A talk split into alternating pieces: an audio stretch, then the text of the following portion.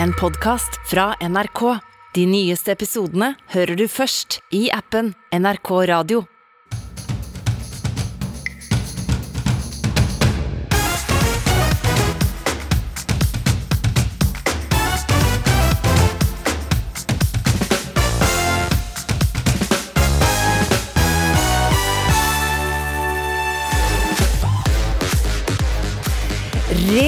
Terror, sier Anette Stai, som stadig vekkes av russebråk på Nesodden.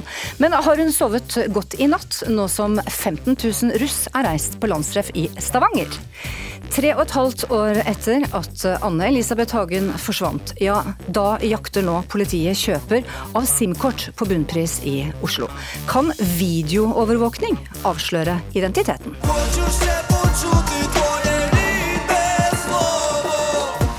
This victory would be important for all of the Ukrainians.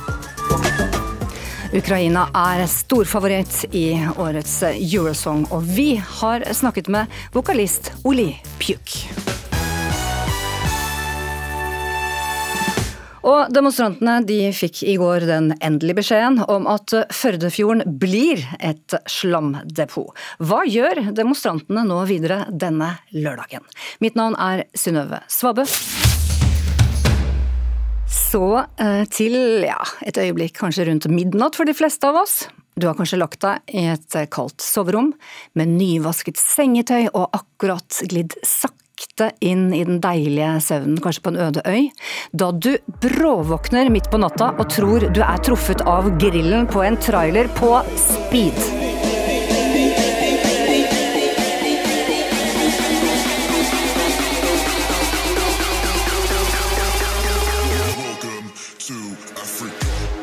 Fulle russebusser og høy musikk fra april, ja det har for mange rundt om i landet vært altså virkeligheten. Etter at det har vært eksamensfri og ingen fraværsgrense for årets avgangselever. Noe som har ført til flukt fra klasserommene ut på veiene. På Nesodden så har man reagert sterkt. Anette Stai, jeg vet ikke om du er en form for aksjonsleder der, da, men man sier jo ofte at russen er vårens vakreste eventyr. For deg er det blitt det verste. Hvorfor det? Nei, ja, i fare for å bli en sur gammel dame, så, eh, så, så vi på Nesodden vi har eh, fjorden eh, mellom oss og Ingjerdstrand. Og russen stopper veldig ofte på Ingjerdstrand og, og den Vervenbukta og spiller på natten. Og lyden bærer fantastisk godt over fjorden, så du kan si at langs hele Nesoddlandet så blir vi vekket av russ. Så å si hver natt. Men i natt var de på Lillehammer, og i natt har vi sovet. Og 15 000 russ har vært i Kongeparken for å reist endelig da til dette landstreffet som pågår i Stavanger.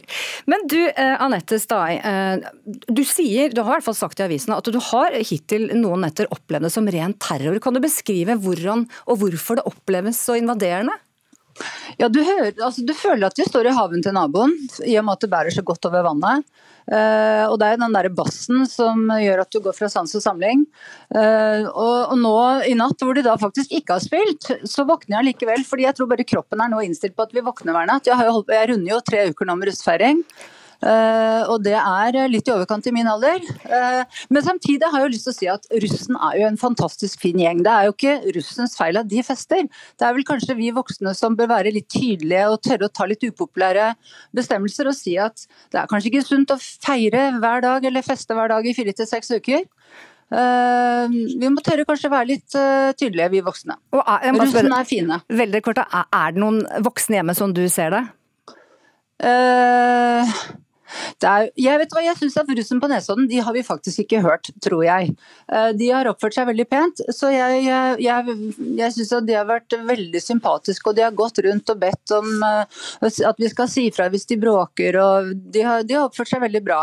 Og den russen som står på andre siden av fjorden, det tror jeg ikke bare er Oslo-russ. Det, det, har jeg hørt komme fra veldig mange andre steder. altså Langt nede ved Askim og Sarpsborg og Fredrikstad, og sikkert nordfra også, nord for Oslo. Så det er ikke sikkert det er Oslo-russen som holder oss våkne. Uh, vi kan jo høre, da! Vi skal, høre, vi skal snakke mer Anette Stein, men jeg tenkte vi skulle høre med, med russens hovedstyre i Oslo og Viken. Ikke fordi at vi skal legge skylda på dere, men man kan jo anta kanskje at det er noen russ som har stått og bråka der, da. Theodor Nima Snellingen Berus, du er pressesjef der. Du er ikke i Kongeparken. Hvorfor ikke det? Eh, jeg sitter hjemme, for jeg har mer lyst til å være med min egen buss denne helgen her. Ja. Eh, ja. Vi kan høre først da. Hva, tenker du, hva sier du til denne kritikken fra, fra beboere på Nesodden om at det er nærmest eh, ren terror, og at man lurer på eh, hvor, hvorfor dere ikke er på skolen? Dere skal jo ta artium, eller russen skal jo ta avgangseksamen snart, da. Vi kan forstå at det til tider blir mye høy lyd og støy, men vi har også, vi har ikke lyst til å plage de voksne eller ødelegge for nattesøvnen. Men det er bare det at vi ikke har noen steder å være. Men eh, vi oppfordrer til at alle, alle russ i Follo, Oslo og området rundt kan finne steder hvor det går an å stå stille og spille musikk uten å plage, eller ikke stå for lenge stille. Mm. Men, men, det at man, sånn som nå, nå er det jo politikerne som har bestemt at dere bl.a. Kan, kan ha uh, en lang periode i år, dere skal ikke ha eksamen, og det, og det heller blir ikke registrert fravær uh, på skolene nå, slik at man kan rett og slett rulle uh, uken lang. Men tenker du sånn i forhold til andre land, hva gjør, tenker du, at eh, norske elever bør være en særstilling da, og, og, ha denne lange russefeiringa? Hvorfor ikke, eh, holder det ikke bare med en helg, f.eks., som de jo har i Danmark og i Sverige? Altså, dette handler om tradisjon helt fra starten av 1900-tallet, da russetiden bygde seg fram. Og så har det blitt et større og større uh, happening i livet til folk. Og nå er det så stort som det er, og det er vanskelig å få snudd på det. Anette Stei, du, jeg sier ikke at du er fra 1900-tallet, starten av 1900-tallet. nei, nei, det, det, er vi ikke. Men, men hva, hva, tenker du at Ja, det, jeg har lest et sted at du har sagt at det har litt, er litt harry og flaut at vi har nærmest seks-sju uker feiring. Hva, hva mener du med det? Ja, det er jo, altså jeg, jeg, vet du hva, Som voksne så syns jeg vi skal påta skylda for det har gått så gærent. For det er vi som burde ha stoppet dette her i tide. Ungene blir jo syke, jeg kaller de unger, ja. Men altså de, de unge de blir jo syke av dette her også, med så mye festing. Lungebetennelser og kyssesyke vet jeg mange har hatt. Uh, hva var det du spurte om igjen? Nei, jeg, apropos. Jeg spurte og uh, sa det at du har uh, kommentert tidligere og sagt at du nesten syns det er litt flaut og litt sånn, harry at det festes så lenge.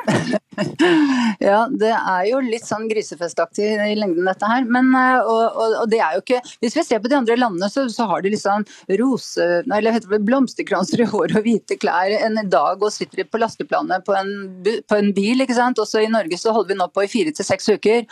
Uh, og det, jeg skjønner ikke hvorfor det har glidd så veldig ut i Norge. Men, men uh, igjen, dette er ikke russens skyld. Altså. Dette er vi voksne som må, som må, ta et tak her og finne ut av Syns vi det er greit å sende disse signalene til russen? At det er greit å feste så mye? Ikke stille opp på skolen, stille opp i skitne klær og hva skal jeg si, litt sånn bakfull. Eh, er dette greit? Skal vi ta den diskusjonen, eller er det ingen som har lyst til å ta den? Jeg er så glad for at jeg ikke er mor i dag til mine barn som skal feste i seks uker. Det var ille nok som det var. og vi, når jeg var ung og feiret, så var det vel en uke eller noe sånt nå. Eh, og på 1900-tallet og den tid, faren min, han feiret vel 17. mai, så det har jo glidd ganske langt ut, da. Og de mm. begynner jo gjerne en uke i andre gym, så skal man en uke på, på, på, i Syden og feste. Og nå hørte jeg om syvendeklassinger på ungdomsskolen som nå begynner å planlegge russefeiring. Og det er seks år frem i tid. Det er noe som ikke stemmer, beklager. Det, ja da.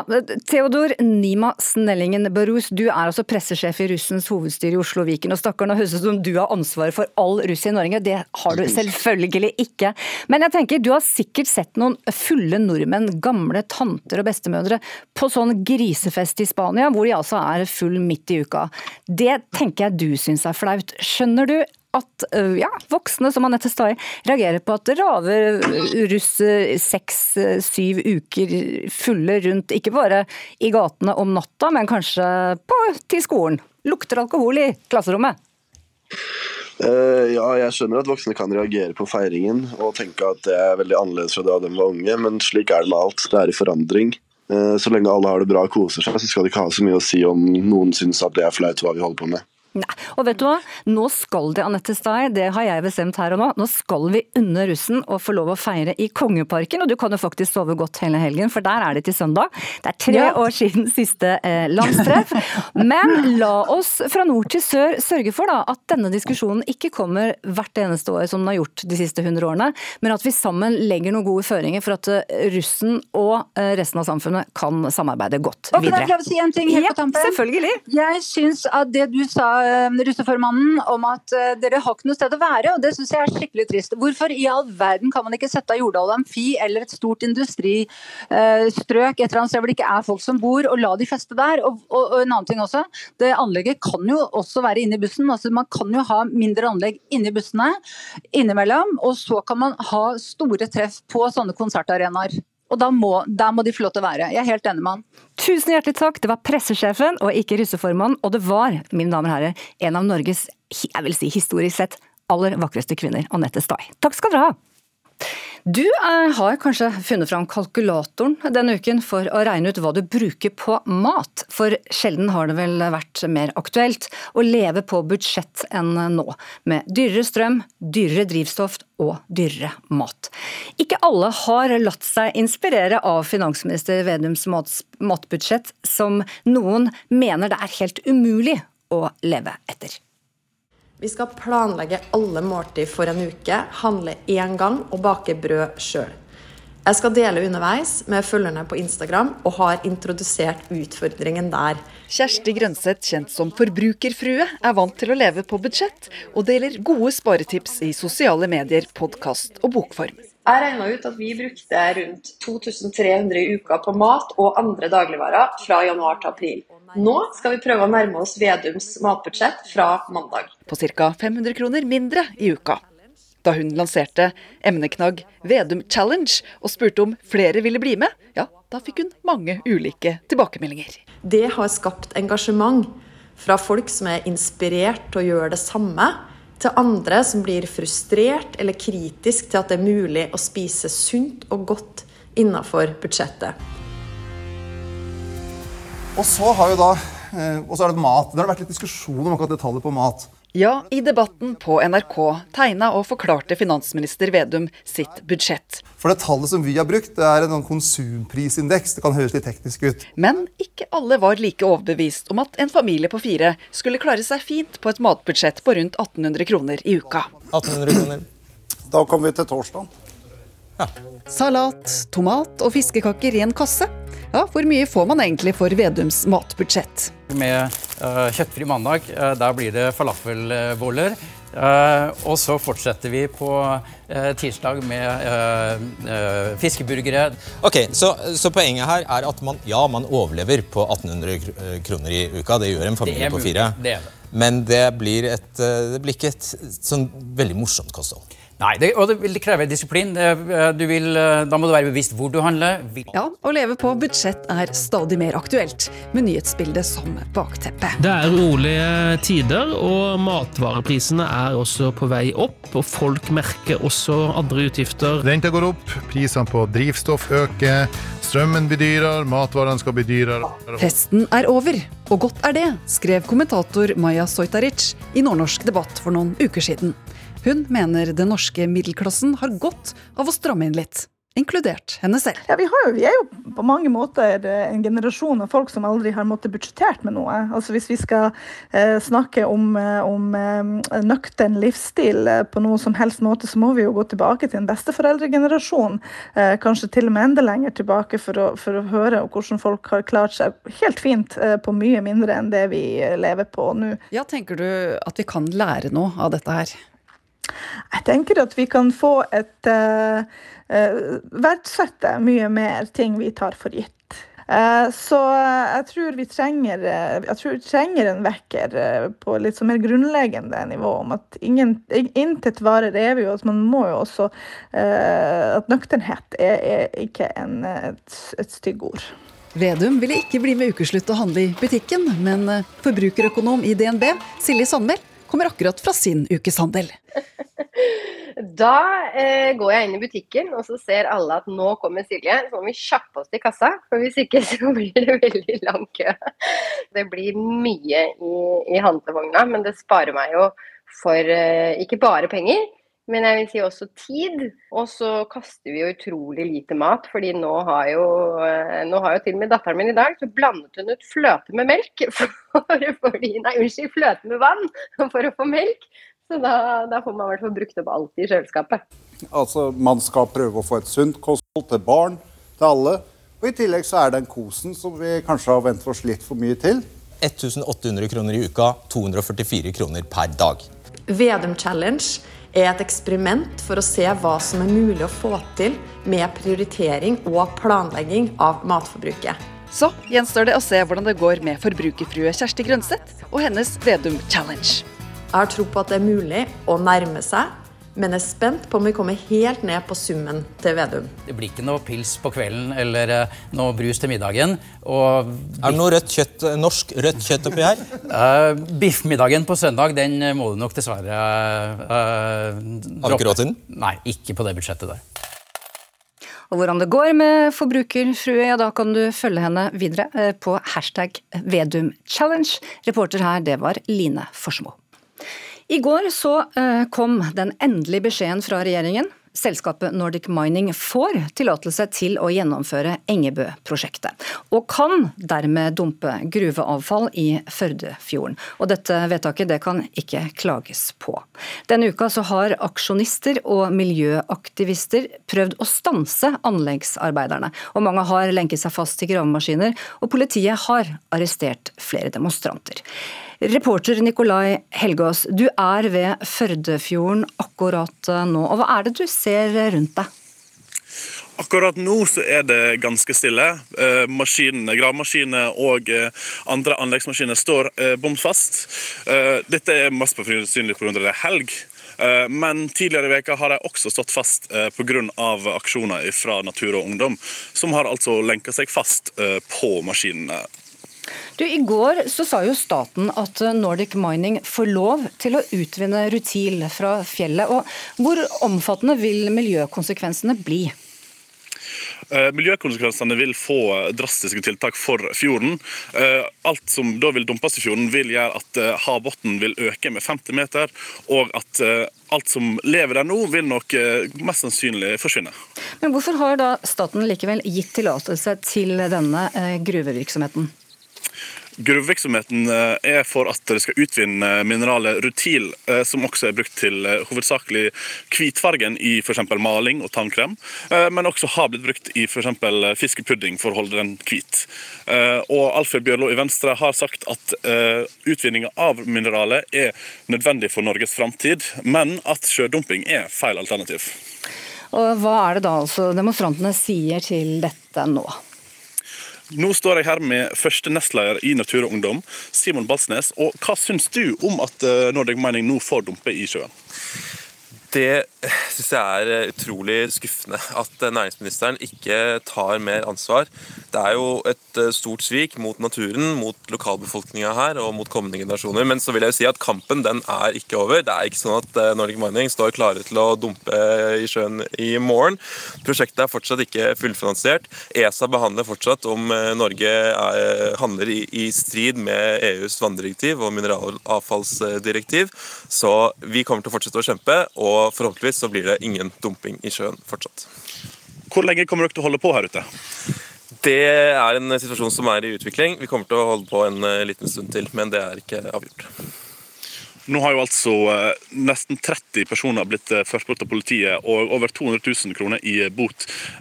Kommer det til å stoppe hvis det går over for, mange aktører som er tatt vekk? Nei, altså Det er mange mennesker fra lokalbefolkningen og fra hele Norge som er villige til å gi veldig mye for å stanse dette prosjektet, for å stanse den enorme miljøkatastrofen som eh, kommer til å komme. Eh, så vi har ennå mye å gå på. Og Hvordan er det da? Trenger Norge å utvinne rutil? Nei, Det blir mast mye om at eh, man trenger dette i det grønne skiftet, men det er jo bare tull. Altså, Unnskyld meg. Er eh, hvitmaling et kritisk element i det grønne skiftet? Det er ikke sånn at det er verdt å ofre en frisk fjord for å, for å få utvinnet det. Så er det også med lokalleder i Natur og Ungdom her i Vevring, eh, Vilde Aarseth. Og I en alder av 15 år, eh, hva er det som gjør at du har engasjert deg i denne debatten? Altså, jeg bor jo her. Jeg ser jo fjorden hver dag. Og jeg syns egentlig det er litt respekt eh, Altså Det er ikke helt respektfullt at eh, han eh, Vestre ikke kommer her og ser hvor mye liv som går tapt om Nordic Mening sine planer blir fullført. Um, det er jo Jeg vet ikke hvordan jeg skulle ta det her når jeg så alle disse maskinene her heller. Det var nesten så det føltes ut som det var noe som hadde dødd. Du det ble veldig sånn tom, og det er liksom eh, vanskelig å forklare, egentlig. Hvordan eh, er lokalbefolkninga sin holdning mot dette her?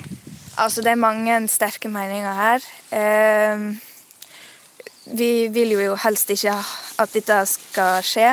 Fjorden er jo vår framtid. Eh, det er mange hobbyfiskere her. Det er Selve fisken blir jo utsatt for såkalt vold, vil jeg si. Eh, det er mye liv som står på spill, og det er egentlig litt tullete, hele prosjektet. Har du sjøl vært eh, lenka fast på denne maskinen her? Ikke ennå, men jeg har planer om det. Så vi får se eh, hvordan tida strekker til. Ja. Som dere hører, så er det ikke planer om å stoppe aksjonen her ute i Vevring noen nærmere framtid. Så det er bare å holde fast. Så skal vi til denne saken som mange er engasjert i, nemlig at politiet mener de nå er kommet et skritt videre på veien mot å oppklare hva som skjedde da Anne Elisabeth Hagen forsvant for tre og et halvt år siden. Nå leter de etter kjøperen av et SIM-kort med et mobilnummer som ble benyttet til utpressingen av Tom Hagen. Og dette kjøpet skal ha skjedd i en bunnprisbutikk i Oslo. Gjermund Hansen, du er påtaleansvarlig i Øst politidistrikt. Hva er det dere har funnet ut av nå? Det vi har gått ut med denne uken, det er et um, telefonnummer 40745668 som knyttes til et, um, et Telia kontantkort. Eh, og dette er et nummer som eh, gjerningspersonen i vår sak har opplyst ved registrering på en eh, vekslingsbørs for kryptovaluta. Er den eller de som har kjøpt dette kortet, gjerningsperson i Hagen-saken? Det kan vi ikke vite sikkert inntil vi har identifisert dem, men så lenge vi ikke vet hvilken rolle de har, så er det et relevant spor å, å følge helt ut. Det at det er kjøpt på en norsk butikk og at det er et norsk nummer, tyder det på i etterforskningen at vi har å gjøre med norske gjerningsmenn, og ikke la oss si, profesjonelle som har vært spekulert i fra, fra utlandet? Ja, Det gjenstår å se hvem som har kjøpt dette nummeret og hatt kontroll på det. Det er i hvert fall et av mange spor som kan peke mot eh, Norge. og det er klart at det at vi får en ny lokasjon, en ny adresse å jobbe ut fra, det åpner mange nye muligheter i, i etterforskninga. Kan man være heldig nå, politiet, og, og, ved å gå igjennom gamle videoer få rett og slett videoovervåkning fra butikken og gjerningspersoner?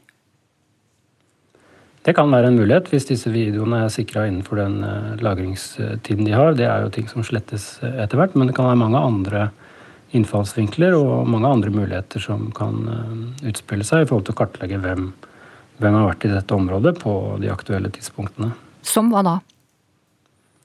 Ja, Det går jo på elektroniske spor, det går på vitneavhør, og så har vi jo en del eh, Vi har jo mange andre opplysninger i saken. Mange andre utsalgssteder og, og kjøp av andre gjenstander som eh, knytter seg til handlingen. Så det er klart det blir jo veldig relevant for oss å se disse tingene i, i sammenheng. Dere har siktet eh, Anne-Elisabeth Hagens mann Tom Hagen, og en mann som er blitt kalt kryptomannen i media. Opprettholder dere siktelsene? Ja, det er ingen endring eh, på siktelsene ut fra dette sporet. Det er en fortløpende vurdering eh, hvor lenge vi opprettholder de. Og Har da denne ukens siste eh, spor vedrørende disse kontantkortene, har det gjort at saken kan løses raskere? Ja, det må vi bare vente og se. Vi jobber i hvert fall på med det vi har. Takk. Takk for at du stilte i Ukeslutt denne lørdagen. Takk skal du ha. Øystein eh, Milli, krimkommentator i VG, velkommen til ukeslutt. Takk. Du, det var jo en optimistisk, vil jeg si, da. politiinspektør eh, Gjermund Hansen vi hørte her. Men har de grunn til optimisme tre og et halvt år etter? Jeg tror jo det, og har jo eh, sagt det og står ved det. Og så står det nok ikke å falle på dette kontantkort, den jakten på denne kjøperen. Men dette er jo en, et av flere spor som politiet har. Og de har som alltid selvfølgelig mye mer informasjon og mange flere spor enn det de går ut med. Men det at man tre og et halvt år etterpå kan komme videre i et eh, spesifikt spor, da, som dette kontantkortnummeret er, det viser jo at det fortsatt er mulig å få nye svar. og Så lenge det er det, så må vi jo håpe på at eh, man til slutt skal kunne klare å løse denne saken som, som er en forferdelig sak, en drapssak. En eldre kvinne som er tatt fra hjemmet sitt, og som jo engasjerer mange, og som det er viktig at blir løst. Mor og bestemor. Det er en mor og en bestemor som var hjemme midt på dagen og som eh, ble sporløst eh, borte, og som eh, man må legge til grunn er drept. Og Det er en sak som ja, er så alvorlig at selvfølgelig må den løses så langt det er mulig å få det til. Og Jeg arresterer meg selv, jeg glemte også kone. Ja, det er helt riktig. Det er en, og det var jo en stille og rolig kvinne som var hjemme, og det at det kan skje i Norge, at noen kan eh, bli tatt ut på den måten, eh, fjerna, og eh, i seg sjøl er jo veldig spesielt. Og så har vi jo da dette kryptorigget som omgir denne saken, og som gjør den helt unik og spesiell i norsk sammenheng, og kanskje også i verdenssammenheng. Du, politiet mener altså at dette ble kjøpt. Det ble kjøpt et kontantkort med et mobilnummer, som altså ble brukt til å opprette en kryptokonto. Fra denne kontoen så ble det altså sendt trusler til Tom Hagen, og han sendte beskjeder og penger tilbake. Vil man da kunne kalle dette et gjennombrudd? Eh, altså Når politiet nå vet at eh, kontantkortet må ha blitt solgt enten fra bunnpris på Grønland eller Ila i Oslo? Ja, Vi kan jo ta maksimumsvarianten og minimumsvarianten. Maksimumsvarianten er at politiet finner ut hvem kjøperen er, og kan knytte kjøperen via andre spor til ugjerningen og si at dette er enten drapsmannen sjøl eller noen som står i ledetog med han. Det er maksimumsvarianten. Minimumsvarianten er jo at dette kontantkortet er et dødsspor. At det ikke er noen forbindelse mellom gjerningspersonene og den som eventuelt har kjøpt det. Eh, det er flere muligheter der. Man kan ha det kan av ulike grunner være sånn at ja, noen har plukka opp dette kontantkortet hjemme hos noen uten at noen vet om det. Altså Kjøperen har kjøpt det, og noen har fått tak i det uten at man klarer å etablere en forbindelse. Det kan også være sånn at eh, den som har oppgitt dette nummeret, har gjetta på kontantkortet, bare oppgitt eh, som kunne vært mitt nummer eller ditt nummer. Men sannsynligheten for det vil jeg jo si er litt liten, fordi at når du skal eventuelt ta et vilkårlig nummer, hvis det er det som har skjedd på denne verifiseringsprosessen, så er det jo litt spesielt at du for det første treffer et kontantkort eh, som eh, til overmål heller ikke har blitt aktivert, og som var dødt, og i tillegg har vært til salgs midt i den perioden som politiet mener at det har vært andre planleggingsskritt i denne saken. Så jeg vil jo si at det må kunne utledes at det er en hovedhypotese at dette kontantkortet ehm, er brukt, eh, og at det kan være en bevisst bruk. Og så vil det for politiet stå og falle på om de klarer å koble da eh, en eventuelt kjøper til den straffbare handlingen i Sloraveien. Og vi vet altså foreløpig ikke om dette kontantkortet er kjøpt med kontanter. Du blir sittende. Vi skal også ha med deg Torkil Rokstad, velkommen. Jo, takk, takk. Du, du er bitcoin-gründer og er en del av et nokså lite kryptomiljø som fikk fullt flomlys på seg da det ble klart at kontantkortet kunne vært kjøpt i en bunnprisbutikk rett ved der kryptomiljøet holder til, altså ved Alexander Kiellands plass. Nå sier politiet riktignok at det kan ha blitt solgt på Grønland. Men politiet mener det ble kjøpt et kontantkort med ett mobilnummer, som altså ble brukt til å opprette en kryptokonto, eh, som igjen da har sendt trusler til Tom Hagen. Hvor dreven må en være i kryptovaluta, som du ser det, da, for å holde på slik? Det er jo um, klart at dette er ikke noe hvem som helst kunne gjort ut av det blå. Man må jo på en måte ha gjort en del, satt seg ganske grundig inn i dette her. Eh, samtidig så er det også tror jeg, fort gjort å undervurdere hvor mange nordmenn som både eier krypto nå, og som eide krypto på det aktuelle tidspunktet. Um, i, 20, i 1.2.2018 publiserte Menon Economics en rapport hvor de estimerte at ca. 200 000 nordmenn eide krypto. Det var da riktignok noen måneder etter dette her mest sannsynlig hadde skjedd. da. Det var ganske eksplosiv vekst i de månedene. men nå bare, nå bare, finner jeg på tallet her, men la oss si kanskje 100 000 mennesker. da, ikke sant? Et sted mellom 50 000 til 200 000 mennesker. Og så er De aller fleste av de er på en måte bare entusiaster som ikke har noe særlig dyp kunnskap. Men selv om du da skreller bort mange der, så sitter du igjen med et relativt liksom, fyldig Ganske mange mennesker. Mm. Men når det er sagt, så er en ting er å gjøre det, noe annet er å gjøre dette her uten å, uten å legge noen spor. Og der er vi inne på noe helt sentralt. Uh, og der er det nok uh, relativt få mennesker som kunne gjøre det. Relativt få mennesker, men samtidig ikke sånn sinnssykt få mennesker. Hvor få snakker vi om? Ja, det er veldig vanskelig å tallfeste. Jeg, jeg, jeg, Under 100? Nei, det tror jeg ikke. Jeg tror det er betraktelig flere enn det. Men du, du må fortelle litt. Altså, du har tatt en titt på transaksjonen mellom Hagen og gjerningspersonene. Eh, hvordan var dette mulig? Altså, hva fant du i denne kommunikasjonen? Det som er interessant da, med bitcoin-transaksjoner, er, er, at den typen bitcoin-transaksjoner som har gått mellom, uh, mellom Tom Hagen og motparten, det er transaksjoner som ligger helt åpent tilgjengelig. Det kan alle observere. Det kan jeg observere, det kan også alle andre observere, både mens det skjer og i, og i etterkant. Transaksjonene ligger helt åpent tilgjengelig med beløp som er sendt, og tidspunktet for når det er sendt. Og også for så vidt mellom hvem det er sendt. Så er det riktignok eh, ikke identitet i den virkelige verden. Det er sånne kryptiske koder som på en måte er identiteter på bitcoin-nettverket, som man ikke uten videre klarer å koble til, til, til, til ekte mennesker. Um, men man kan se uh, hva som har blitt gjort. da. Så man har funnet, uh, Politiet har åpenbart funnet dette. her. Politiet har jo på en måte vært involvert i denne kommunikasjonen. Men også jeg som utenforstående har vært, har vært i stand til å, til å se disse meldingene. Der kan man se at de har, de har uh, Kidnapperne har mast om at nå må dere skynde dere å sende pengene. Uh, hvor, Politiet og, politiet og Tom Hagen har på den andre siden svart at vi trenger noen flere dager og gi oss litt mer tid. og uh, Nå vil vi gjerne se livstegn. Så Det er jo interessant. da, Det er jo ganske unikt det du sa i sted, at, man kan, at det er en unikt norsk sak. at Hvor ofte har det vært kommunisert med kryptiske koder over et desentralisert pengenettverk? Det er ganske spesielt. Og du er straks Øystein, Øystein Mille, krimreporter også i VG. Du sitter og du, du, du liksom kroppen, du må på nå, men jeg bare si én ting til deg, Torkel Rokstad, bitcoin-gründer. Du er altså ikke blitt avhørt eller bedt eh, å hjelpe og bistå politiet. Hva tenker du om det? Akkurat det har jeg valgt å tolke som at eh, politiet sitter på ganske høy kompetanse. Både på generell IT-greier, men også på, også på spesifikk krypto. Og så vil jeg også tenke, Det er et godt tegn også, for det betyr at du er, i hvert fall, du er ikke mistenkt for noe, for å si det sånn. Eh, Øystein Willy, krimkommentator i VG, du sitter og nikker nå. Hva er det som er spennende her? Nei, det er jo, altså, det er, dette er jo en ekstremt spennende sak å, å følge. og jeg har brukt en, eh, en, forklaringsmodell på hva politiet holder på med når det gjelder dette kryptosporet. og Jeg syns det ligner på en ut på utsida, da, en, en, hinderløype. Hvor du slåss mot et hinder, og du vet ikke for, om du kommer deg over dette hinderet. Eh, og du vet i hvert fall ikke hva slags hinder som møter deg neste gang, og gangen etter der og gangen etter der. Ikke hvor mange de er, og ikke hvor målstreken er. Og Det er jo hele netterforskningen bærer jo preg av det. og Det er jo en, eh, det er det som gjør denne saken så veldig spesiell. For de som står bak her, de har virkelig gjort anstrengelser for å begå det som eh, framstår som den perfekte forbrytelse. De har brukt mange ingredienser, og så er det mange meninger om det er lurt eller ikke lurt. Eh, og de har brukt krypterte ting, men i hvert fall det som er et faktum, er at etter tre og et halvt år så er det ingen fellende bevis mot noen. og Det betyr jo at man så langt har lykkes da, med å komme seg unna politiet. Helt til slutt, Øystein Millie, krimkommentator i VG, og Torkil Rokse, altså bitcoin-grynter. Dere kan få svare veldig veldig kort på dette de to som står bak her nå, hvordan har de det? Eller den som står bak. Eh, nettet snører seg her. Er det lett å bli avslørt ja, altså, på de, detaljer nå? De som, som, vet at de har en rolle i denne saken, eh, tror jeg ikke sover eh, nødvendigvis så godt nå. De, de, merker politiets pust i nakken. og Når de kan finne spor så lenge etterpå, så er jo spørsmålet hvilke andre spor kan de finne. og Politiet har ikke tenkt å gi seg, så vidt jeg skjønner, så dette kan bli spennende.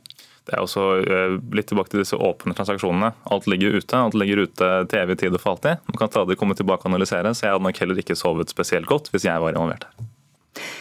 Skolen burde lære oss å stå imot slankehysteriet. I stedet er den blitt en del av problemet. Dette skrev 15 år gamle Alba Orre i en ytring som har fått mye oppmerksomhet denne uka. Ukeslutt tok med oss Alba Orre på kafé eh, for å høre mer om hva det er hun vil til livs i skoleundervisningen. På skolen eh, blir vi lært at mat kan kategoriseres som sunt og usunt, og at eh, vi må spise mindre av ting eller mer av ting eller På en kafé i Bergen sitter Alba Orre. 15-åringen er lei av hvordan skolen underviser om mat og helse, og tok de for pennen fatt. Nei, Maten blir satt i bås, rett og slett. Og eh, det mener jeg er veldig problematisk, eh, og skaper et eh, merkelig bilde på mat. I kronikken skriver hun om kaloriprosjekt, hvor elever får i oppgave å telle kaloriene på alt de spiser i løpet av to uker.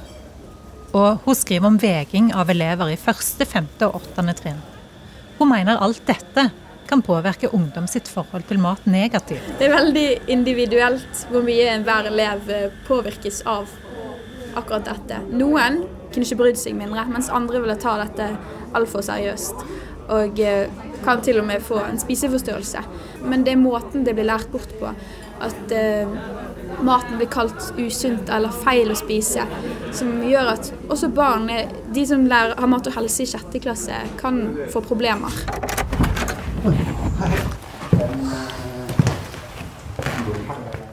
I den heimekoselige Villa Sult på Frogner i Oslo har folk som lider av eteforstyrringer, kommet for behandling siden 2014. Direktøren ved instituttet, psykiater Finn Skårderud, har jobba på feltet i mange tiår. Han mener Alba Orre treffer spikeren på hovedet i sin kronikk. Punkt én så tenker jeg at kaloritelling er ikke nyttig kunnskap. Er du god på å telle kalorier? Nei. Nei, Nei jeg tror ikke du trenger det. Eh, vi må bare forstå at tidene forandrer seg.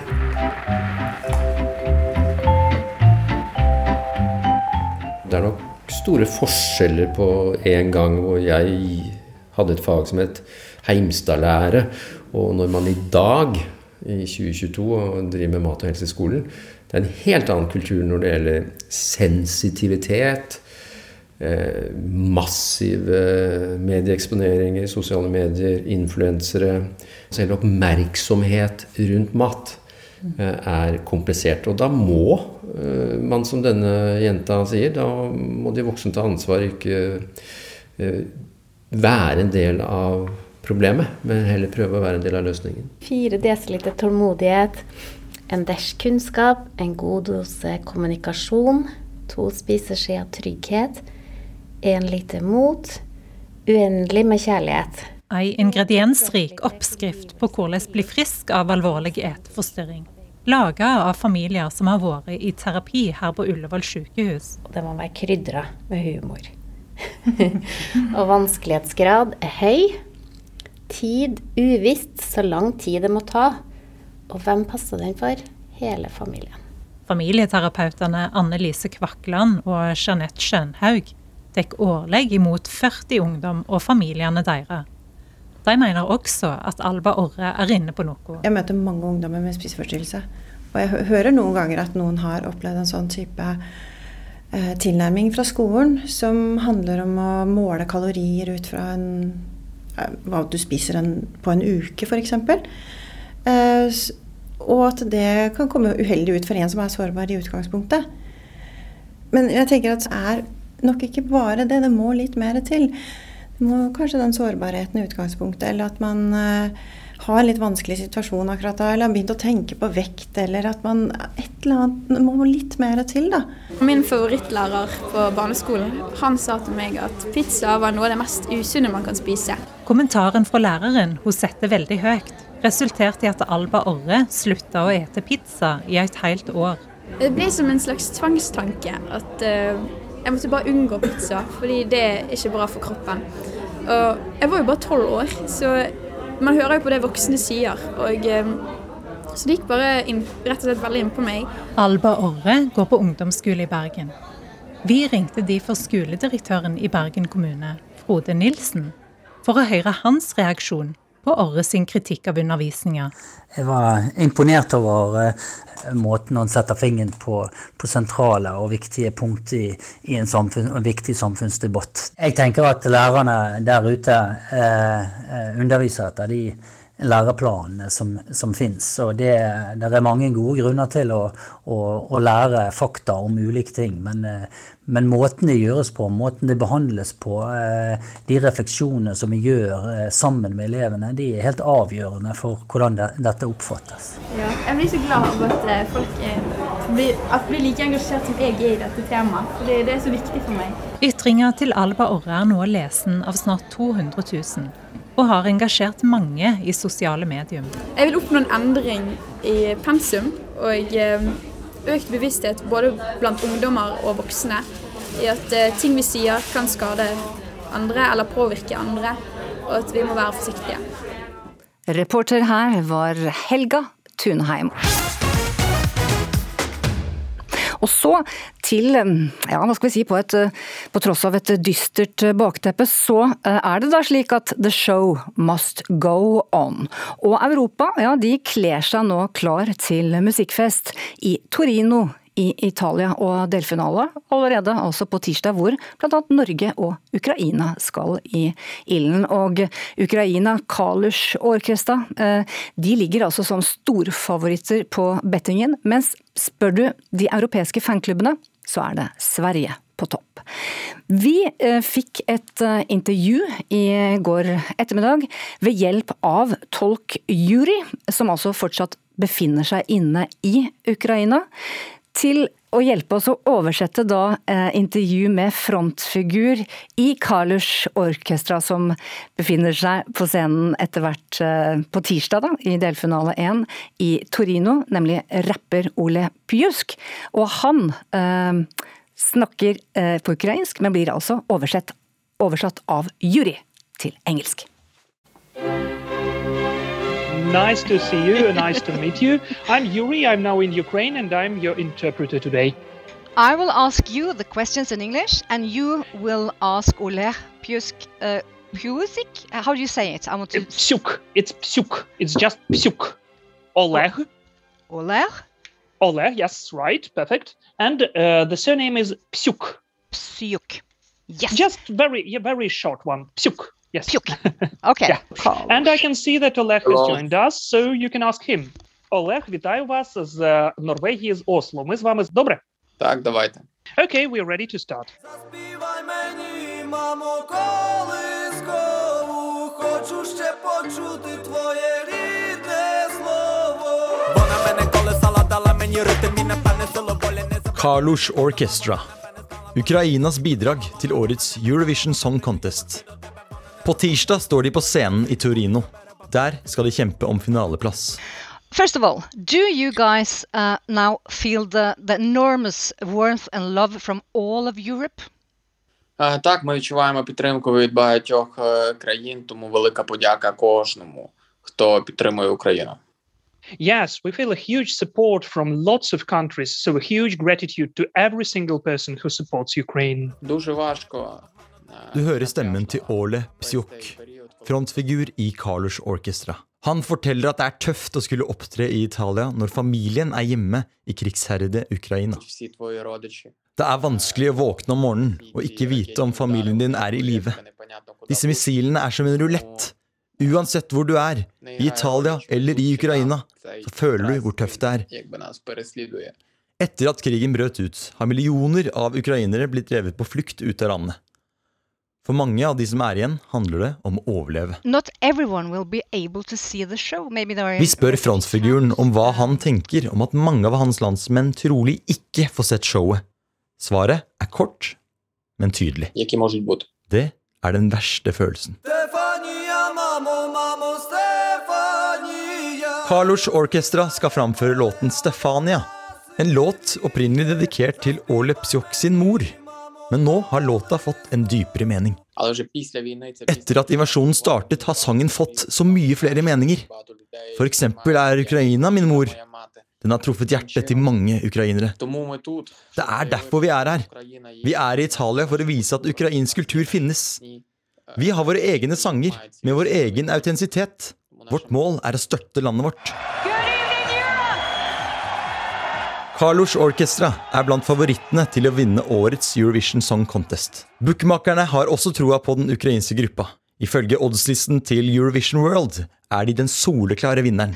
What do you think it will mean for the Ukrainian people uh, and refugees from Ukraine all over the world now uh, if you would win the competition next Saturday? Ця перемога буде важливою для дуже е, для всіх українців. This victory would be important for all of the Ukrainians because any victory is important for us in all of the possible aspects. And I'm sure that it will raise the morale of all of the Ukrainians now. Denne seieren vil ha blitt viktig for alle ukrainere. Enhver seier er viktig for oss. Jeg er sikker på at det ville hjulpet på moralen hos alle ukrainere. And last, nevertheless, there's some rumors saying that your president, uh, Volodymyr Zelensky, on Saturday, on the final in Torino, will address the people uh, with a video message. message. Is it true? Що ваш президент Володимир Зеленський в е, суботу в фіналі в Турині виступить із відеозаписом, із відеозверненням. Це правда чи ні? Я не знаю. I don't know. Vi lar den henge litt. Finalen blir altså neste lørdag sett av over 200 millioner seere i hele verden. Så får vi se da om president Zelenskyj kommer til å benytte denne scenen i Europa for å adressere nettopp Europa. Og den som gjorde til her nå for å oversette fra ukrainsk via engelsk til norsk, det var Ukeslutts Simen Hunding Strømme. Hele dette intervjuet kan du høre på nrk.no. Musikkprøvene de er i gang i Italia, og kanskje er det nettopp denne pausen og musikkfesten Eurosong de europeiske landene trenger å samles om nå. Konkurransen den tilspisser seg når det tirsdag altså braker løs med første delfinale i Torino i Italia.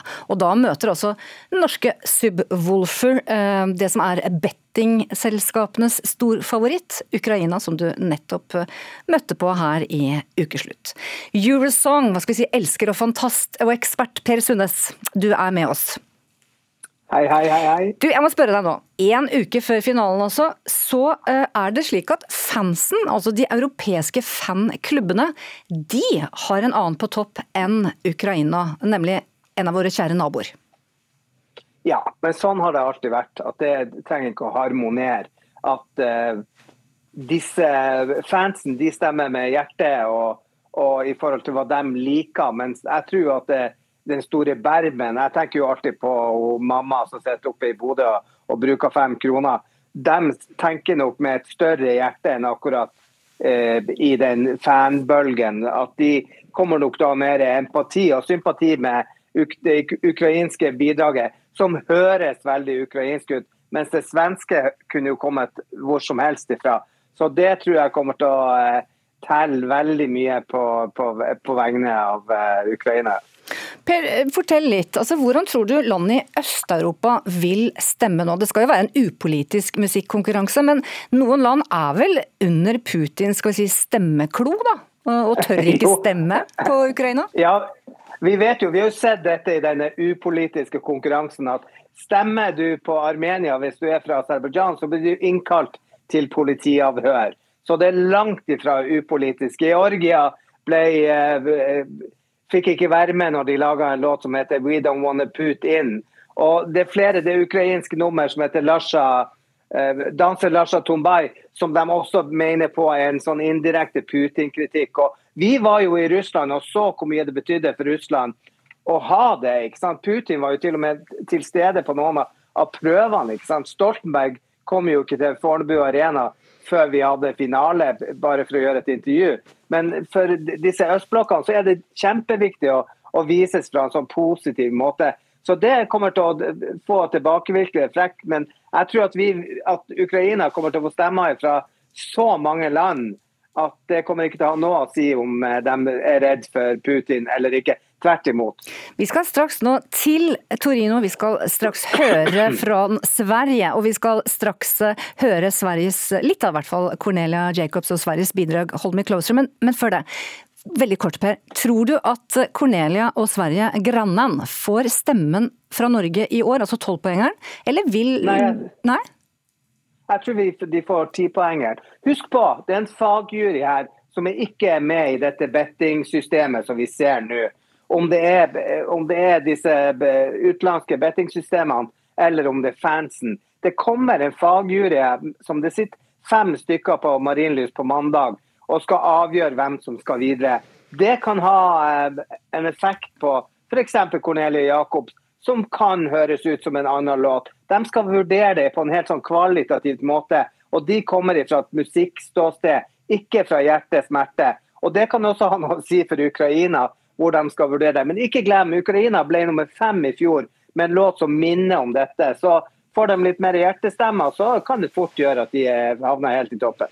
Ja, jeg, nå skal vi straks høre fra deg, Tobbe Ek, Eurovision-eksperten til Aftonbladet, som er straks med oss også fra Torino.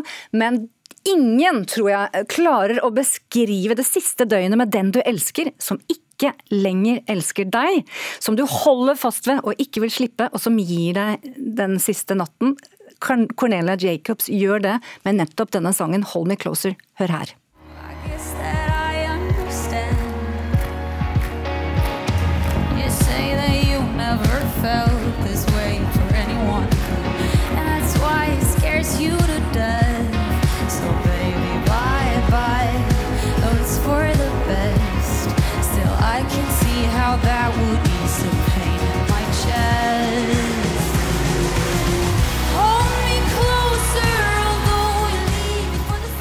Tobbe Ek, det er så vakkert og så vart. Eurovision-ekspert altså fra Aftonbladet med oss fra Torino. Dere har i år en nydelig låt.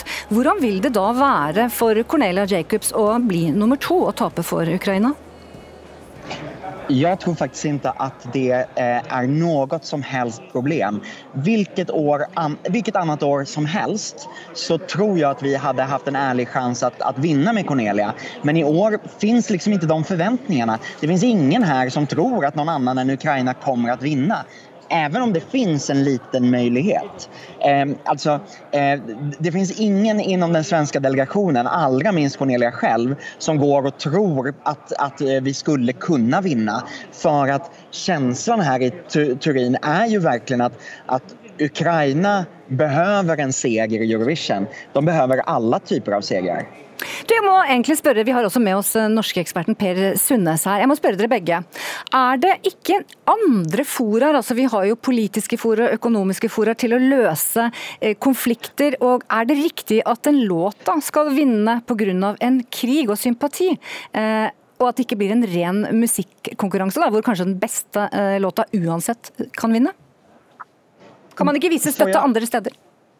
Jo, jo, men i det här fallet, hade Ukraina skickat en låt som var skitdålig, ja, men då, hade den inte, då hade den inte haft samma chans. Men det här är som, som en väldigt typisk ukrainsk Eurovision-låt och Ukraina brukar göra bra ifrån sig. Det är både ukrainsk folkmusik eh, blandat med moderna toner, med rap, med elektro. Eh, hade det varit en dålig låt så hade, det, så hade den inte haft chans att vinna. Men det här är tillräckligt bra. Och allt i Eurovision handlar ju om känslor. Och den som, då, den som sitter hemma och röstar via telefonen, om den känner någonting för det den ser på scenen, då, då är det svårt att säga, ja, fast känner du det där bara för att det är krig där? Eller för att du blir påverkad av det du hör? Vad tänker du Per? Jeg tenker akkurat det samme som Tove Ek sier, at det her er en veldig bra låt. Og som jeg sa, i fjor ble de nummer fem. De har vunnet Eurovision med samme stuke, altså med noe som høres veldig typisk eh, ukrainsk ut. Og det kanskje mangler noen av de andre eh, landene i år. sånn at jeg tror det er den nasjonalfølelsen som man føler. Altså, jeg tenker, Nå kan jeg ingenting om ukrainsk musikk, men jeg føler at dette er veldig typisk ukrainsk. Og det handler det jo veldig ofte om at uh, man skal stå ut. Du, jeg må spørre dere, altså, Vi hørte nettopp avslutningen på intervjuet hvor vi prata med storfavoritten Ukraina. Eh, det har gått noen rykter om vil president Zelenskyj bruke eh, det at det er hundrevis av millioner som ser også finalen neste lørdag, vil han bruke det til å komme med si, en hilsen til Europa, en takk til Europa? Hva tror dere? Hva sier magefølelsen? Eh, jag tror att, att EBU skulle ha väldigt svårt att ta in det. För det skulle ju göra tävlingen politisk och bara politisk. Eh, nu har vi fått veta att, att artisterna får till exempel inte ropa Vala Ukraini från scenen, det vill säga Glory to Ukraine eller Länge leve Ukraina. Det får inga artister göra, eh, oavsett om det är de ukrainska artisterna eller någon annan. För att det, bara det uttrycket anses för politiskt. Så att, att Zelensky skulle eh, vara där och i sändningen, det ser jag som högst osannolikt. Sunnes, jeg vet at du Ja, vær så god. Jeg, jeg tenker jo også akkurat det samme. At det ville jo vært veldig rart hvis han fikk en talestol på en apolitisk konkurranse som skal bare handle om musikk. Det passer ikke inn. Og vi har jo sett at mange har krevd at uh, han skulle få lov å tale på Oscar, men det er jo klart det handler om andre ting. som at uh, jeg tror at det kommer ikke til å skje. EBU er altfor sterk til det. At de har for mange andre land å ta vare på. Du, Vi må spørre dere når vi har dere her. Jeg vet Per, at du tenker som så at skulle det ikke gå Subwoolfers og Norges vei på tirsdag, hvor vi også møter uh, Ukraina i delfinalen, så har vi et annet land vi kan eh, heie på, som også er norsk. Amanda Tenfjord, i, som representerer Hellas, og halvt gresk. da. Og, nå har jo jeg bare sett disse prøvene på video, så Tobbe Ek må jo si hva han syns om Hellas sitt bidrag i år. Sist gang de hadde hjelp fra Skandinavia med, med Sverige, så vant de jo. Og hva tror Tobbe om Amanda sine sjanser? Eh, Amanda har gjort jättebra ifrån sig på repen, men ni får inte glömma bort att även Tjeckien, två av tre av, norsk, eh, artister är ju också norrmän och de har också skrivit det tjeckiska bidraget. Så det är mer norskt än svenskt i årets Eurovision får man säga. Eh, båda Amanda gör jättebra ifrån sig men jag tror att Subwoolfer kommer göra det bästa resultatet av eh, alla de norska bidragen. Og som kvinne da, så skal jeg avslutte det hele her. From Oslo 12 Points så tror jeg vi skal ikke se helt bort fra en liten italiensk liten rakkar av en luring, for Italias Achille Lævro og hans The Stripper, eller Stripper, den sies å være kanskje en av de største outsiderne, og som vi vet med Alexander Rybak, får du nok tiere i hva skal vi si, i bøtta, ja da kan det hende at bøtta renn, renner over, og at du vinner hele sulamitten. Takk for at ni var med, både to. Tidligere denne uken så fikk eh, Oslos befolkning beskjed om å spare på vannet. Altså kortere dusjer, maks to til tre minutter. Det var stikkordet som byrådsleder i Oslo, Raimond Johansen, sendte ut på SMS. Reporter Iris Andradottir, du er på Sukkerbiten utenfor eh, operaen her i hovedstaden. Virker det eh, nå som om folk har lyttet til budskapet? Ja, Det ser i hvert fall ikke ut til at vannforbruket har gått opp noe særlig. Eh, Men det er rett og slett litt for tidlig å si hvor stor den effekten eh, beskjeden har hatt. Eh, For spørsmålet er jo egentlig hvor godt Oslos befolkning har tatt inn over seg disse vannsparingstipsene som Oslo kommune har kommet med. Bl.a. ikke, ikke vann gressplenen, for det gjør jo ingenting om den blir litt gul. Og man skal også trykke på den lille knappen på toalettet når du spyler ned. Men jeg er i hvert fall her på Sukkerbiten for å teste ut hvor godt Oslos befolkning har tatt inn over seg budskapet om kortere dusjer. Og det er jo kanskje et av de enkleste og mest effektive tipsene de har å komme med. Det finnes nok ikke et bedre egnet sted enn nettopp her. Det er eh, varm luft her, masse folk og mennesker som har tatt seg turen hit for å besøke saunaene, og da også ta seg en iskald dusj i eh, ferskvannet. Og jeg har fått med meg en av disse gjestene, nemlig eh, Thomas Aarholt, for å teste hvor kjapt du kan dusje. Har dusjene blitt noe kortere på deg den siste uken? Ikke den siste uken, men jeg kan anbefale å få barn. fordi I pappapermen så må jeg da ha dattera mi i badet eh, og sitte og se på meg mens jeg dusjer, og dusjer så fort som mulig. fordi og Jeg må underholde henne så snart som mulig etter at jeg er ferdig. Så det er kanskje et av dine beste vannsparingstips? Få barn? Ja, jeg kan anbefale det. det kanskje gjøre andre ting òg. Thomas, jeg har tatt med meg litt eh, såpe og sjampo. Og nå skal du hoppe i dusjen og se hvor raskt du klarer deg. Jeg tar tida. La oss starte nå. Nå hopper han i dusjen. Iskaldt. Hvor kaldt er det? Eh, kaldt. altså, jeg, jeg dusja håret i går, så det slapp jeg å gjøre i dag. Ja, Du har ikke tenkt å Der kom såpa, ja. Må jo dusje ordentlig, da. Pleier du å eh, pusse tenna kanskje i dusjen for å spare litt vann? Nei, det har jeg ikke tenkt på, men det er lurt. Det, det var et godt tips.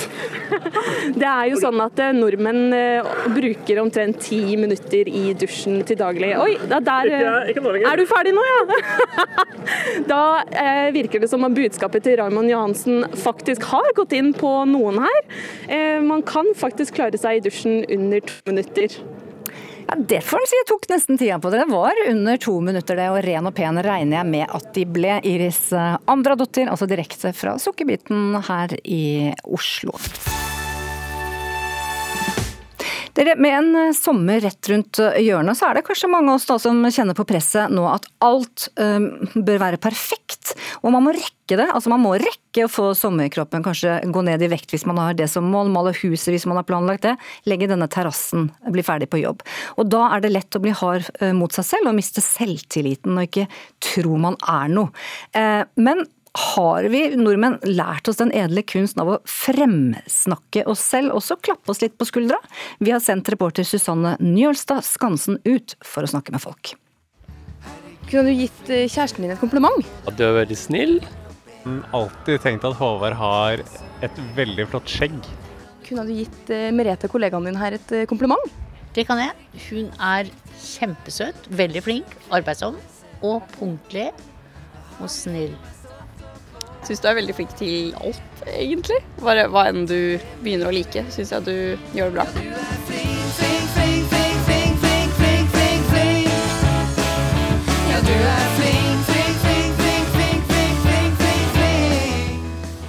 Så lurte jeg på, Kanskje kunne du gitt deg selv et kompliment også?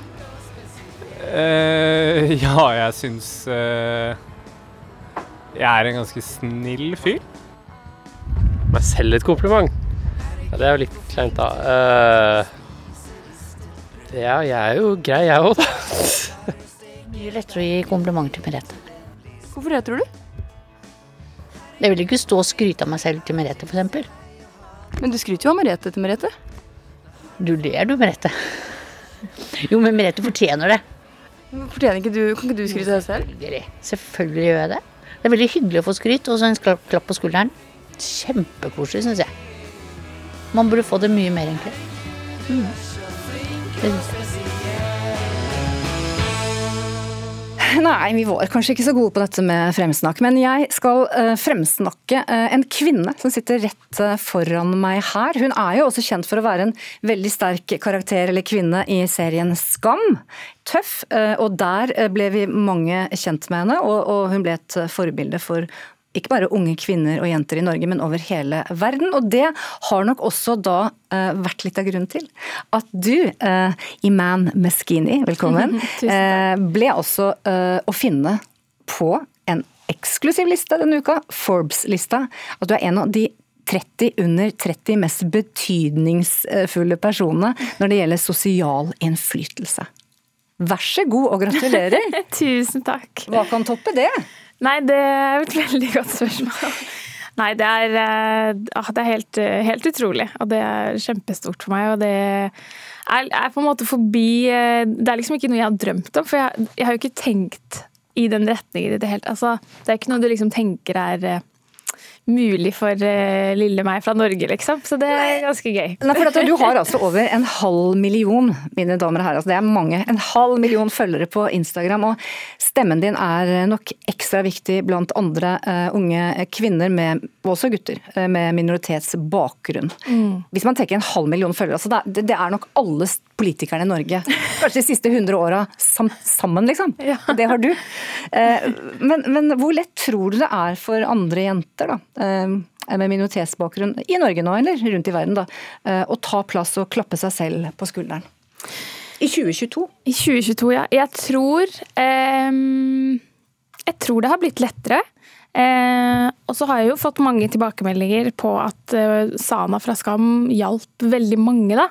Eh, og det var så deilig å bli representert og liksom kunne se seg selv eller noen som minner om seg selv, da, på norsk TV. Og det var jo liksom veldig stort, og det var jo stort for meg òg. For jeg husker jo da jeg ble spurt om å komme på audition, så sa jeg liksom sånn Ja, men jeg kan ikke, jeg kan ikke ta av meg hijaben, altså. og så var de sånn Nei, men vi vil ikke det. Vi vil at du skal ha den på. Det er liksom poenget. Og da merket jeg hvor på en måte farget selv jeg var av å tenke at eh, nei, vi hadde på en måte ikke noe plass på TV, da. Det var aldri noe jeg tenkte liksom skulle skje i min levetid. Eh, så det er eh, veldig stort og veldig gøy og har gjort en stor endring, tror jeg, for mange. Og eh, da vil jeg også bare kort si at Du er jo ikke bare skuespiller fra Skam. altså. Du, du er, har jo skrevet bok og er en veldig stor stemme ellers i debatten. Du, nå, jeg, mange vil kalle deg for queen, eller dronning, og nå skal vi til en som blir kalt for helt konge. Det er mannen som tidligere ble kalt for Det er litt rart navn, kanskje Pølsa? Jeg vet ikke om du har så veldig forhold til han, men Øystein Pettersen, eh, også kjent som Pølsa i langrennssporet også veldig kjent for det norske folk med bok og podkast Helt konge. Du la uh, denne uka ut en video på Instagram hvor du ber folk om å slutte å være selvkritiske. Si, varme hverandre med gode ord, og ikke minst oss selv. Og Hvorfor tror du ikke vi nordmenn er noe gode på det, å skryte? Uh, nei, det er, et, uh, det er, et, godt spørsmål. Det vet jeg ikke. Det kanskje, kanskje det, Jeg kunne stilt det samme spørsmålet til dere, tror jeg. Jeg tror ikke jeg har noe svar på det, men jeg er ganske sikker på at det er relevant for veldig mange. Og jeg kjente det jo selv. Du spilte meg opp så veldig bra. Jeg satt bare sånn ja, men Kjære, vakre øyne, hvem, hvem, er jeg til å, å, dele noe om dette? Altså, lille meg, sett deg nå ned. Lat som om uh, linja blir brutt. Det er tryggere, det, liksom. Men jeg tror da at vi har en tendens til å gå rundt og være opptatt av hva alle andre syns om oss. Nesten mer opptatt av hva alle rundt oss syns om oss, enn hva vi syns om oss sjæl. Mm. Og da er vi ute på en litt sånn tynn is. For, da, eh, for det første så overlater vi jo da denne anerkjennelsen som vi hørte i disse intervjuene og sånn, til andre. Men vi vet heller ikke helt hva det er Eh, de forventer. Så vi, vi, går rundt og på en måte prøver å søke litt, og vi spiller et slags sånn spill. Men felles for alle tror jeg at vi trenger én å bli sett og bli anerkjent. Og to, at vi er litt usikre på hva resten mener og tror og synser.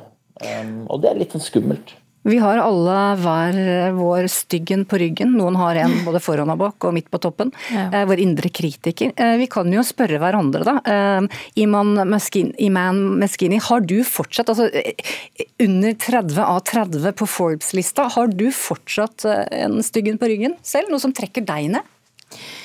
Um, ja, det har jeg jo, og det tror jeg eh, Jeg har en teori om at vi kanskje alle har en, som du sier, og så handler det egentlig om å eh, Hvor sterk tillater vi den styggen på ryggen å bli?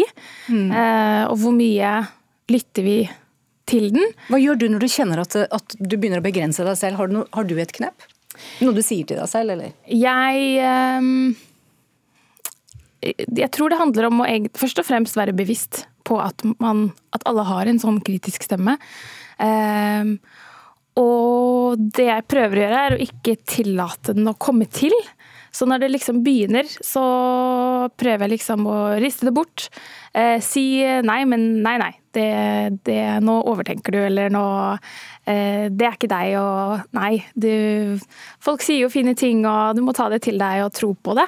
Eh, så det handler litt om å faktisk eh, For ofte så liksom tenker man at nei, folk sier jo det bare fordi bare for å være hyggelig, eller de mener Fordi jeg har en halv million følgere Ja, på, Forbes-lista. eller det. Så, så det er noe med å liksom ta til seg de komplimentene man får. Og, Lytte ordentlig etter når folk gir deg noen fine Ja. ord. Åpne hjertet ditt og putte det inn, stappe det inn og låse det igjen. Ja, og det er mange ganger jeg har gitt kompliment til folk, f.eks., og så sier de Så tar de det ikke imot. Og så er det sånn nei, nei, eller, eller så bytter de samtalen, for de syns det er så ubehagelig å få et kompliment, da. Og så er jeg sånn, men kan du ikke bare si takk? Si ja, si takk, og ta det imot. Og så er det sånn, jo, OK, takk.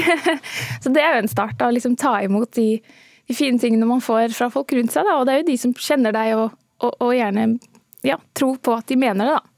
Pølsa eh, Pettersen, eller Øystein, eh, du skal få en mulighet her nå. For du har podkast, og du har jo skrevet en bok som veldig mange nordmenn nå har hjemme. Jeg vet ikke om du liksom Vi vet jo Marit Bjørgen, hun så jo liksom en sånn indre tiger eh, og sa mange ord når hun gikk der ute i løypa for å tro på seg selv. Alle trenger det, selv Marit Bjørgen, tenker jeg. Og jeg skal dele med dere eh, tidligere statsminister Gro Harlem Brundtland. Det er mitt eh, gamle triks. Når hun var nervøs, så tok hun, dere kan kjenne selv nå, det er Gro Harlem Brundtland-trikset. Første gang hun skulle holde taler, så tok hun neglene så hardt hun kunne og klemte i håndflatene så det begynte å blø nærmest. Og da klarer du å stå og se rett inn i FN-øynene eller i stortingssalen og snakke høyt. Det var hennes eh, på 70-tallet. Men eh, her og nå, i 2022, denne lørdagen, Øystein Pettersen, gi oss dine kongetips på hvordan vi nå kan liksom slutte med denne selvkritikken og få gå inn i det som er jo årets beste tid i Norge, da. Det er jo vår og sommer. Uff, det var det. Nå, nå spiller du meg virkelig opp her, men det er greit. Altså, jeg, tror veld, jeg tror dere er inne på veldig mye av kjernen. Jeg tror det dreier seg om å være bevisst av hva for Disse tankene kommer til å komme, men så må man være bevisst eh, hvor stor plass de får, og hva du lytter til. Så jeg tror eh, Jeg liker også å spille på ordet respekt.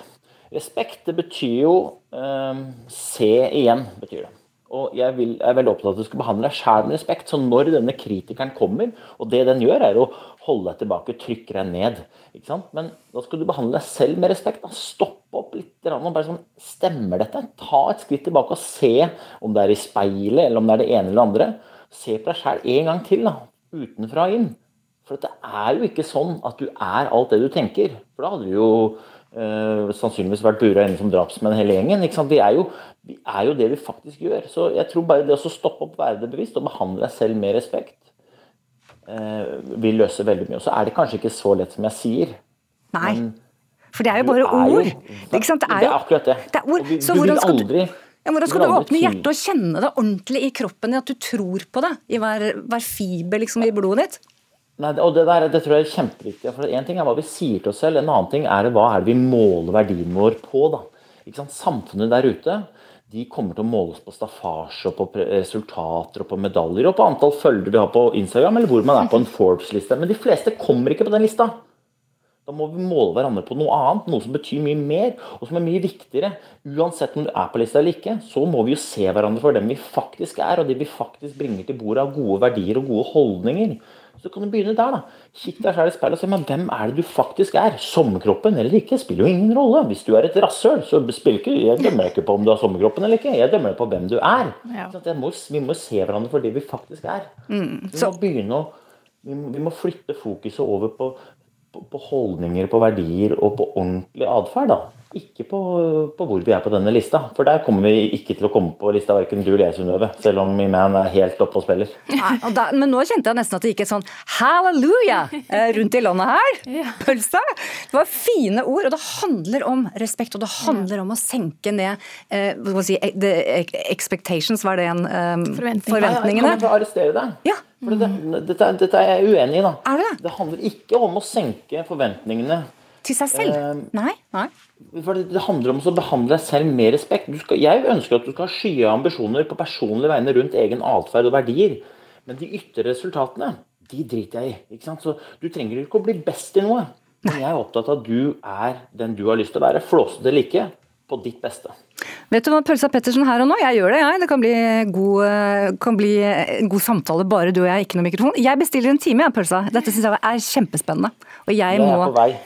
Nei, Ja, vi tar det på privaten. Jeg er på vei nå. jeg. Jeg møter deg. Ha det bra. Jeg ønsker begge to da, en, en fredelig, eh, trygg og god og respektfull hva skal vi si, eh, tid med seg selv og andre våren og sommeren 2022. Ansvarlig for ukesluttsendingen denne lørdagen har vært Ole Reinert Omvik og eh, Kari Li. Teknisk ansvarlig Frode Thorshaug. Og her i studio satt jeg, Synnøve Svabø. God lørdag!